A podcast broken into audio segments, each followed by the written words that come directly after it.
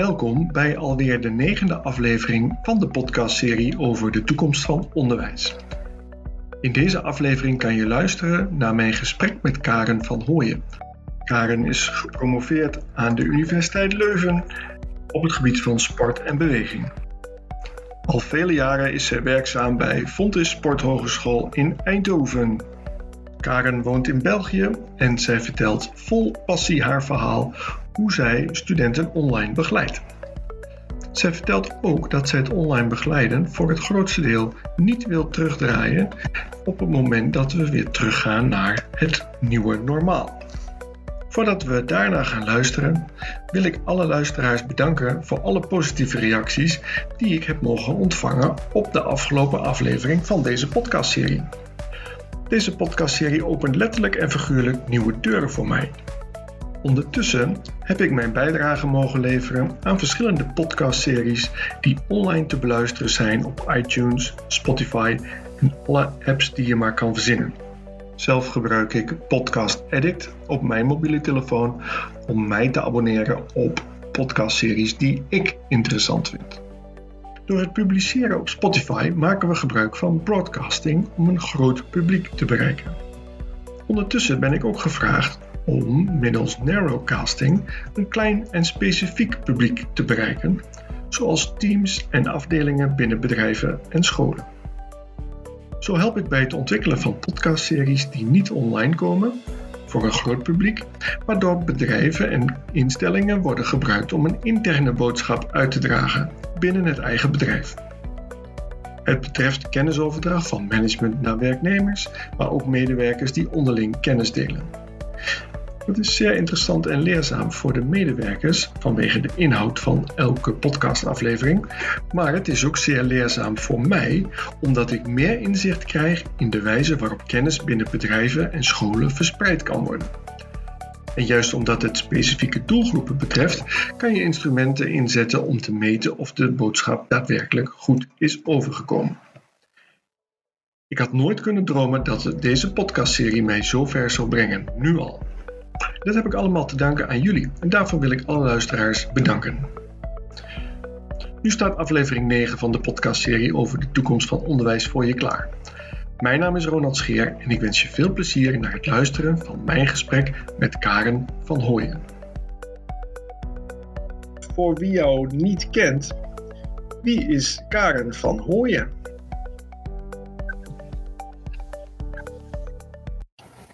Ja, ik ben eigenlijk een Belg en ik werk al goede vier jaar voor Fontis Sporthogeschool. Ik ben daar ooit binnengeraakt via een collega van mij, Steven Vos.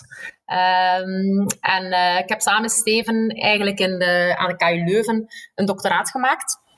En nadat mijn doctoraat was afgerond, zei Steven van, zeg Karen, uh, in Nederland is er een vacature voor iemand die affiniteit heeft met beweging en graag met studenten bezig is. Is dat niets voor u? En dan had ik gezegd, ja, maar Nederland, dat is keiver.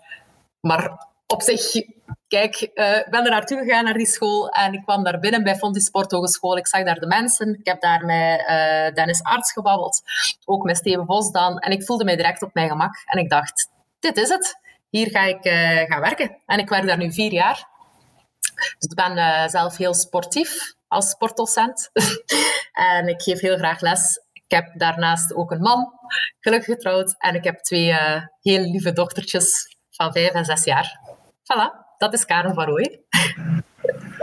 Leuk. En je zegt, ik, uh, ik ben uh, uh, uit België. Woon je dan ook nu nog in België? Ja, ik woon in Melzelen en dat is op de kop 100 kilometer van Eindhoven, waar ik voor de Fontis Sporthogeschool werk. Nu bij de coronatijden, dus al 15 weken, ben ik nog maar één keer daar geweest in die 15 weken. Dus ik werk nu uh, bijna volledig van thuis uit. Dus dat scheelt me heel veel reistijd. Maar normaal gezien ben ik drie dagen in de week op Fontis. Dus drie dagen in de week doe ik 200 kilometer. Met de auto, een beetje te ver met de fiets. Dat snap ik. Je geeft aan dat je zelf sportief bent. Kun je schetsen wat je dan zoal doet? Ik geef uh, vijf uur in de week spinning. Ik ben indoor cycling instructor, dus dan zit ik daar van voor op het fietsje. Ben ik vooral mensen aan het coachen. Ik zwijg geen seconde en het is gewoon kei leuk om die mensen te zien glimlachen als ze buiten gaan uit mijn les. Daarnaast loop ik elke dag 10 kilometer, soms wat meer. Dus ik doe daar uh, wekelijks 60, 70 kilometer. En ik ga nog twee uur in de week gaan tennissen. Dus ik ben wel sportief, ja. ik heb nogal veel energie. dat was met de coronatijd wel een probleem. ja.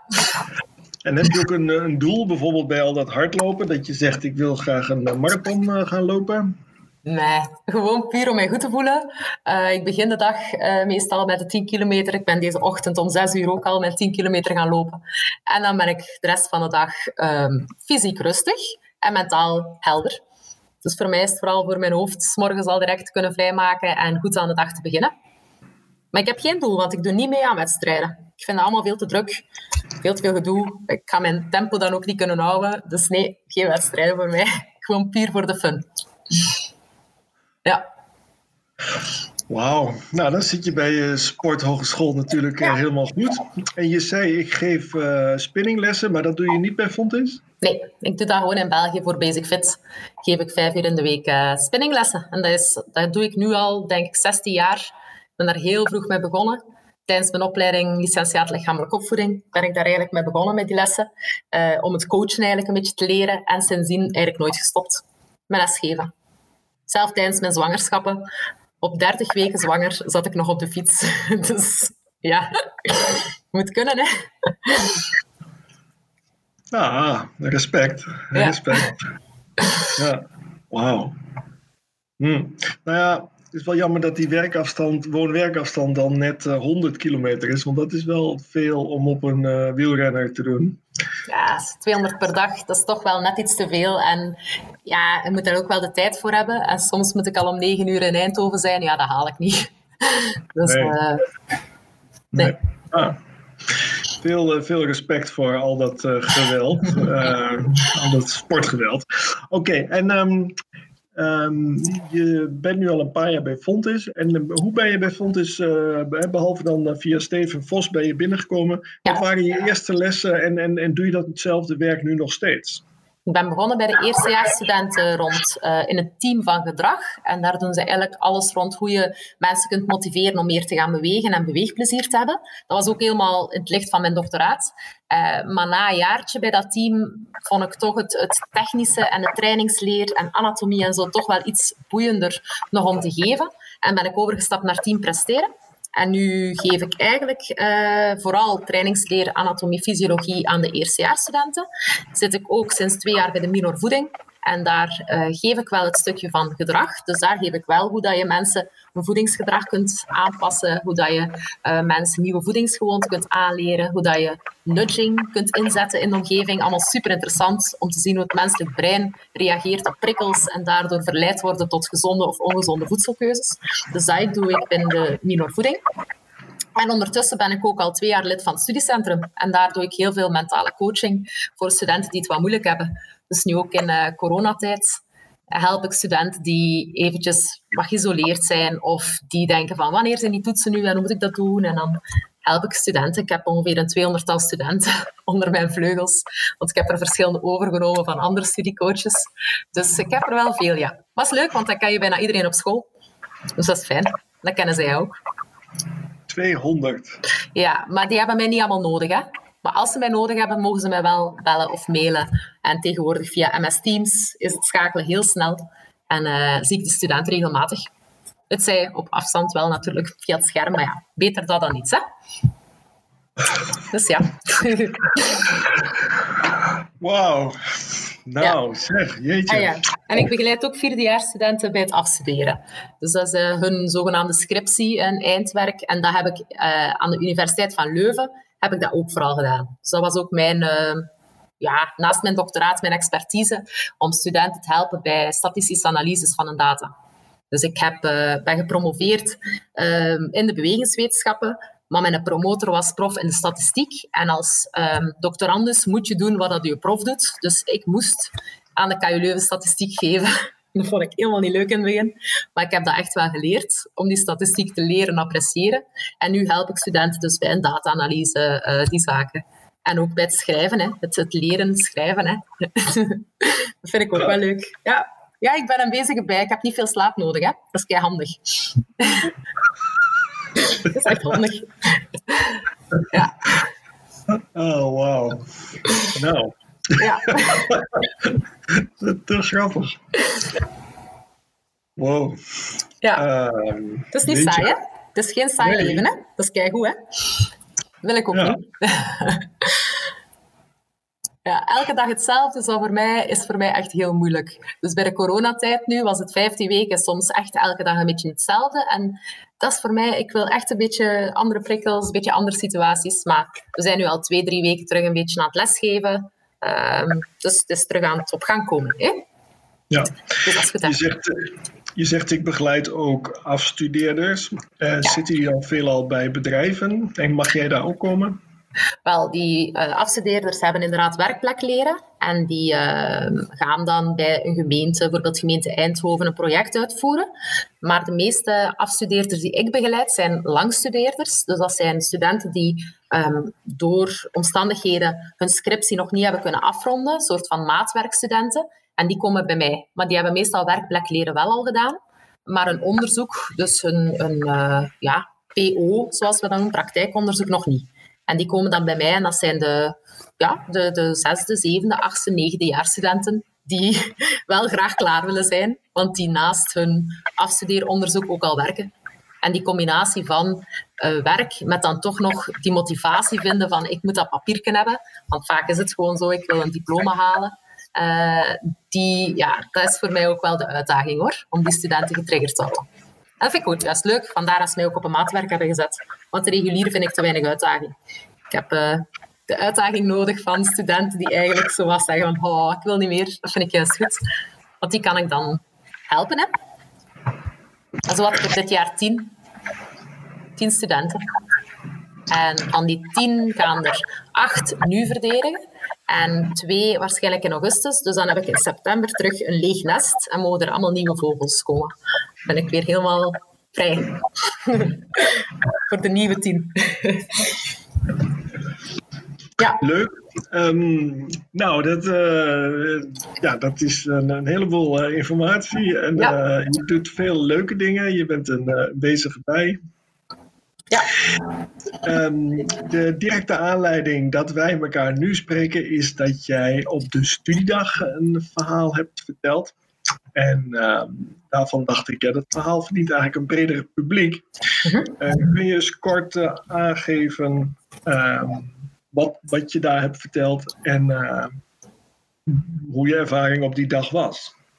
Ja, dus hadden mij gevraagd of ik iets wil zeggen rond uh, mijn begeleiding van de maatwerkstudenten. Wij noemen dat ook wel de sleepstudenten, omdat dat de studenten zijn die dus uh, die studieachterstand hebben opgebouwd gedurende de jaren en na zes jaar alleen nog die scriptie moeten doen of alleen nog scriptie en één toets bijvoorbeeld.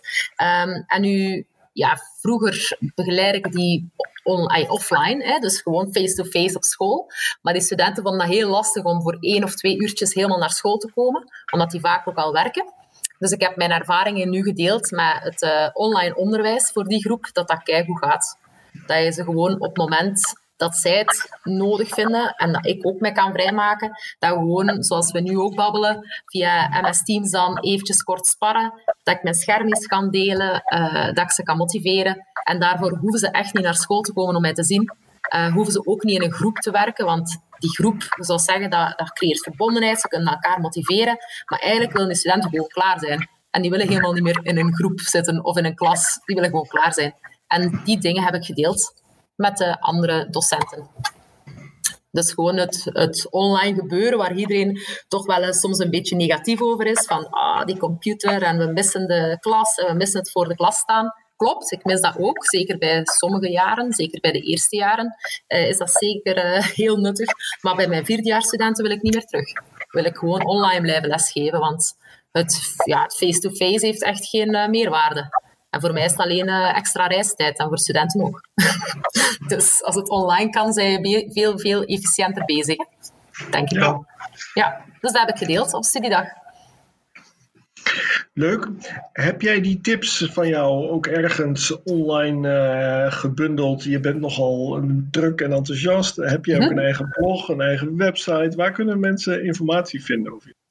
Um, ik heb geen blog of website. Ze hebben mij wel al voorgesteld waarom ik eigenlijk geen vlogger word, omdat ik dat eigenlijk wel tof vind om te babbelen. maar uh, ik heb daar nog niet de tijd voor gevonden eigenlijk om zoiets zelf te beginnen. Uh, ik heb natuurlijk wel die PowerPoints die ik gebruikt heb als ondersteuning van de studiedag, die uh, kan ik wel delen. Dus die kunnen ze wel terugvinden. Um, voor de rest heb ik een LinkedIn-profiel waar ze mij kunnen terugvinden. Dus via LinkedIn, Karen van Ooyen, kunnen ze mij gewoon chatten of een mailtje sturen. Ik denk dat dat een, een, goed kanaal is om mij terug te vinden. Uh, ja, voor de onderzoekers misschien uh, via ResearchGate. Dat is eigenlijk een groot onderzoeksplatform waar allemaal wetenschappers um, een onderzoek met elkaar delen. Daar staan ook mijn gepubliceerde artikels rond meerwaarde van coaching en zo. Dus daar kunnen ze mij ook terugvinden. Maar ik denk dat dat vooral de twee kanalen zijn, want een Instagram of een Facebook, oh, ja, dat is zo meer voor de familie en voor de vrienden en voor de grappige fotootjes. Ik denk niet dat ze daar echt uh, mij gaan tegenkomen. Nee, nee. Heb je wel eens gehoord van uh, de website die ik nu in de chat uh, zet, genaamd fontisblogd.nl? Nee, nog niet gehoord. Ja, dat is een website waar collega's docenten, maar ook studenten kunnen daar vertellen wat ze zoal meemaken. Okay. En um, het zou heel interessant zijn om daar eens heel kort um, jouw verhaal op te schrijven. He, dat, al is het maar dat mensen weten dat jij daarmee bezig bent. Ja. Stel me voor dat je in een, uh, in een half A4'tje met uh, tien bullets en, uh, en drie regels tekst gewoon eens vertelt. Nou, hier ben ik mee bezig, ben ik goed in, vind ik leuk, weet me te bereiken, bam. Ja. ja, want ik gebruik wel in mijn begeleiding, omdat ik heb naast mijn licentiaat lichamelijke opvoeding, ik ben eigenlijk vrij lang blijven doorstuderen, omdat ik studeren gewoon wel heel interessant vond. Um, en ik heb ook uh, een opleiding um, bewegings- en sportpsychologie gevolgd. Dus ik gebruik eigenlijk de concepten vanuit de bewegingspsychologie en vanuit hoe motiveer je mensen en hoe kan je mensen toch iets laten doen wat ze anders niet zouden doen. Wat dat soms heel handig kan zijn bij studenten. Um, die principes, gelijk zelfdeterminatietheorie en die zaken, die gebruik ik in mijn coaching. Dus kan daar zeker wat informatie op zetten. Ik denk dat sommige docenten er misschien wel iets aan hebben. Aan mijn tips. Denk wel. Ja, en met name zo'n eerste blog hoef je, hoef je niet enorm uitgebreid te doen. Het gaat er meer om dat mensen kort weten waarom ze jou weten te vinden. Ik ben ervan overtuigd, dat heb ik ook ooit gedaan en toen kwamen er allerlei vragen. En ja. Ja, sinds die tijd ben ik daar blijven schrijven, omdat ik het weet dat mensen het lezen en omdat het. Uh, ik denk altijd, al is er maar eentje ja. die er wat aan heeft. Nou, ja, ik wil, dat is wel iets dat in mij zit. Mensen helpen en mensen adviseren. En ik vind dat heel fijn als mensen mij om advies vragen of, of vragen wat ik zou doen in een bepaalde situatie. Uh, dus ja, ik wil dat zeker doen. En ik schrijf heel graag, want ik heb uh, voor het Centrum van Afstandsonderwijs, dat is in België, heb ik uh, ondertussen al vier cursussen geschreven. Onder, ja, ik schrijf in mijn vrije tijd ook wel nog. en, ik heb een cursus personal coach. Dat is dan echt gewoon hoe dat je uh, ja, naar functionele training kunt gaan werken. En ik heb nu in de coronatijd om me bezig te houden, omdat ik me echt s'avonds een beetje aan het enerveren was. Het feit dat ik niet graag tv zie en zo. Uh, heb ik een nieuwe cursus geschreven. Conditiespecialist uh, van 530 pagina's. En die wordt vanaf volgende week uh, aan de school uh, gegeven in België. En dan kunnen mensen dat ook weer lezen. Hoe dat ze kunnen opbouwen naar een marathon toe, dat ze kunnen opbouwen naar 10 kilometer, naar een marathon. Uh, er zit alles van trainingsleer in, van het menselijk lichaam, psychologie, voeding. Dus dat heb ik nu geschreven op 15 weken. Om mij toch maar bezig te houden, omdat die spinning was niet, hè. Kon niet spinnen, hè. Nog niet. Dus ja, dan moet iets anders doen, hè, met tijd. Dus dan heb ik een cursus geschreven. Voilà. Dus ik schrijf wel graag. Ja. dus dat kan handig zijn. Fontisblogs.nl, ja. ja. Voor voilà. jou is het dan te makkelijk om uh, regelmatig een halve A4'tje uit dat lukt wel. Ja. ja, dat lukt wel. Ja. Je zult merken dat je er veel energie van krijgt. Nu heb jij genoeg. Maar, ja. uh, Oké, okay. je, je zegt uh, ik wil graag mensen helpen en van advies uh, voorzien. Ik heb uh, tenminste twee vragen naar jou. Mhm. En um, um, de eerste is, je, want je hebt aangegeven, ik schrijf nu zelf een boek. Mijn eerste vraag is, als je kijkt naar onderwijs en onderwijskunde, wat, wat, wat zou een boek zijn wat jij in de afgelopen tijd jaren hebt gelezen op het gebied van onderwijs, didactiek, de onderwerpen waarmee we zo binnen school, waar we mee bezig zijn. Welk boek zou, heb jij gelezen waarvan je zegt, goh, daar heb ik echt wat aan gehad en dat zou ik aanraden aan mijn collega's? Hmm. Even denken hoor. Want ik lees heel veel boeken natuurlijk. Uh, voeding bij sport vind ik een hele goeie. Ik heb hem hier wel liggen, denk ik. Moet ik hem eens pakken? Ik heb hem liggen, want ik heb er nog maar pas mee bezig geweest.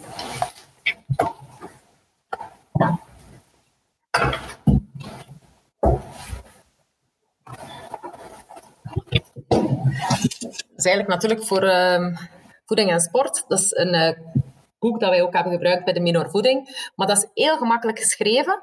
En ja, ik heb er zelf ook echt wel veel aan gehad, omdat er ook heel veel programma's in zitten van waar moet je nu ook juist op letten als je sport. En ja, het is gewoon zo eenvoudig geschreven dat ik denk van ja, het hoeft niet altijd zo ingewikkeld te zijn. En sommige boeken zijn dan ja, 600, 700 pagina's dik, dat je zegt van ja, wat heb je eraan? En dit is echt een dun boekje.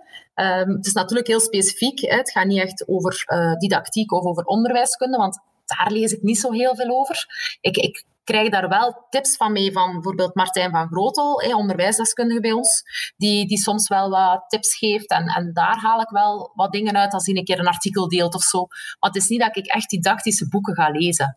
Um, ik denk dat ik heel veel vanuit buikgevoel doe.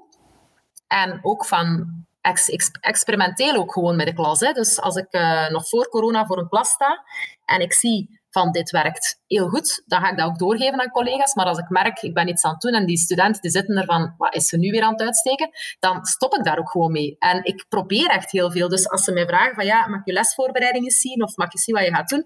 Dat komt nooit overeen met de werkelijkheid. Ik pas, ik pas mijn les continu aan aan het moment zelf. En ja, dat is een beetje buikgevoel, denk ik. En ook omdat ik al zo lang les geef.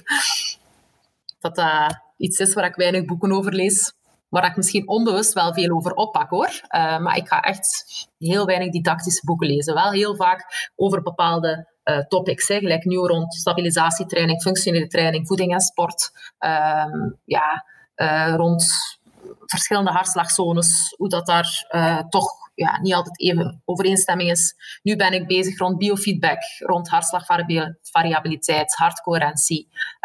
die dingen interesseren mij nu ook heel hard en de relatie met stress alles rond het brein, onbewust, bewust brein, vind ik ook super interessant.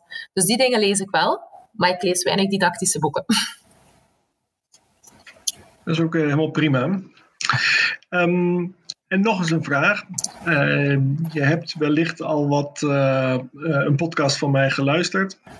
Of je hebt gezien wie er zowel in de afgelopen lange tijd in de show is uh, geweest. Mijn vraag aan jou is: wie zou jij graag eens willen horen? En welke vraag zou ik diegene dan mogen stellen? Ja, ik ken weinig, weinig Nederlandse mensen natuurlijk. Hè? Nou, weet je, dan pak je iemand, een Belgisch meneer of mevrouw. Ja.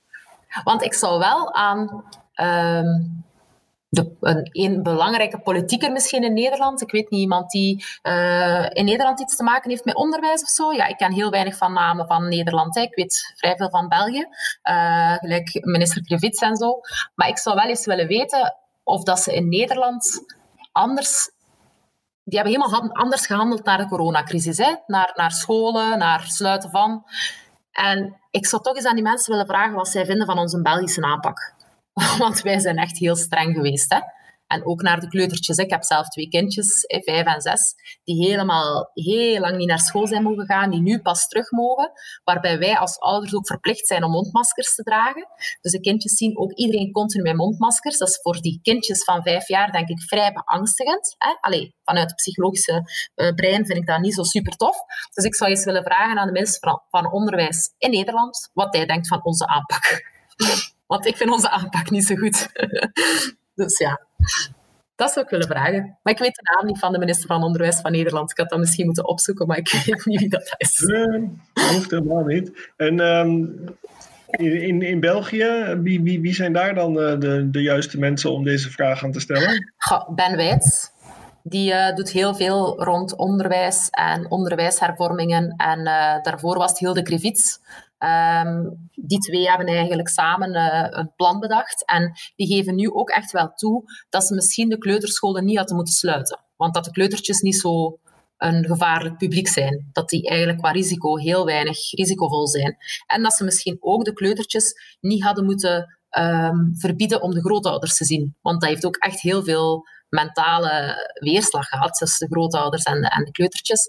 Ehm, ook naar opvang, ook naar eh, werken thuis in combinatie met de kindjes. En nu zeggen ze, ja, dat was misschien toch niet nodig geweest.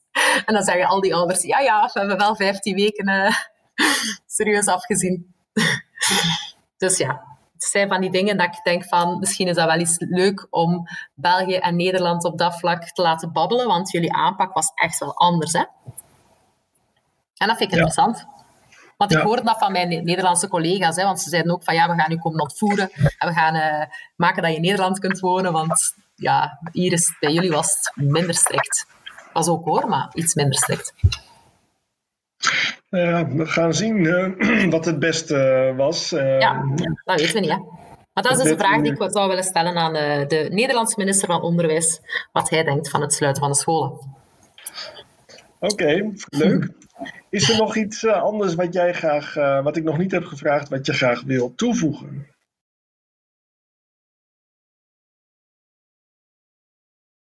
Um, dus ik zou eigenlijk nu heel graag een soort van coachingsprogramma willen opzetten voor docenten. Docenten die misschien uh, wat last hebben van stress of uh, die de combinatie moeilijk vinden tussen werken, privé, um, die zaken. Um, dus ik zou eigenlijk ook docenten willen coachen, net zoals ik nu studenten coach, zou ik ook docenten willen helpen, advies willen geven hoe ik het probeer te regelen.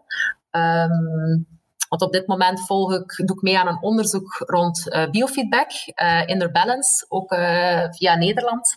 En daar heb ik geleerd over mezelf. Nu, ik wist al hoor, maar de psycholoog waar ik mee samenwerk en de sportarts heeft gezegd dat ik een van de weinige mensen ben die in een positief hoog energetisch niveau zit. En dat de meeste mensen dus vooral ofwel laag energetisch zijn, maar wel positief, ofwel laag energetisch, maar wel wat negatief. Hè? Dus een beetje down. En um, de sportarts zei dat ik wel een van de meest boeiende personen ben die het ooit in zijn praktijk heeft gezien. Omdat ik zoveel energie heb. En ik zou eigenlijk ja, die energie willen overbrengen naar, naar andere mensen, misschien docenten die het niet altijd even weten, hoe dat ze het positieve denken kunnen inzetten. En um, dus dat traject zou ik bij Fontis willen uitstippelen. Um, en ik zou willen helpen in de hervorming van ons uh, onderwijs, dat we bepaalde blokken waar studenten het nu nog wat moeilijk mee hebben en die helemaal op het einde van het jaar zitten, zoals het blok van presteren, dat dat vroeger kan komen in het jaar. Dus daar ga, ik zit ook in de opleidingscommissie en daar ga ik dit jaar samen met de mensen van de opleidingscommissie werk van maken. Dus dat wil ik nog bereiken. Maar ik wil geen teamleader zijn. Dat, wil ik, dat had ik gedacht dat ik dat misschien ooit zou willen doen, maar dat ga ik niet doen, want dat moeten zoveel oplossen. En dat is ook niet... Ik ben te veel actiegericht. Ik ben wel oplossingsgericht, maar ik wil vooral verder gaan. En niet altijd moeten terugdenken van, ga ja, hoe hadden we het dan anders kunnen doen? en een teamleader moet dat wel heel hard doen. Voilà, dus dat wil ik nog bereiken. Dus ik blijf nog even in Nederland werken hoor. Ik heb uh, nog geen andere ambities. Ik blijf nog even bij jullie. voor nu wil ik je bedanken voor dit gesprek. Nee, maar dat is goed. Dat is toch altijd wel eens leuk om met iemand erover te spreken, hè? Dat is waar, hè? En hopelijk uh, vinden mensen een beetje leuk om naar mij te luisteren. Dus, uh, en hoop krijg ik misschien wel wat reacties of zo. Dat vind ik altijd wel fijn. Dus uh, ze mogen mij ook altijd mailen op mijn Fontis mail. Dat mag ook, als ze mij zo beter kunnen bereiken. Ik antwoord heel snel, schijnt. Misschien handig dat je dan je Fontis mail nog een keer zegt. Ja, dat is k.vanhooyen.fontis.nl En hooien is H-O-Y-E. Um, dit komt wel uh, trouwens, um, even dubbelcheck, dit komt wel op Spotify. Dus mensen buiten Fontis kunnen dit ook wel horen. Vind je dat goed? Allemaal goed. Mensen die geïnteresseerd zijn in wat ik te vertellen heb over lifestyle, over coaching, over, mensen, over studenten motiveren, mogen mij altijd mailen, vragen stellen. Ik vind dat heel fijn om te doen. Oké. Okay. Nou, bedankt voor dit uh, gesprek. Ik heb er een hoop ja. energie van gekregen. Oké, okay. goed zo. Oké, okay, Ronald. Salutjes, hè.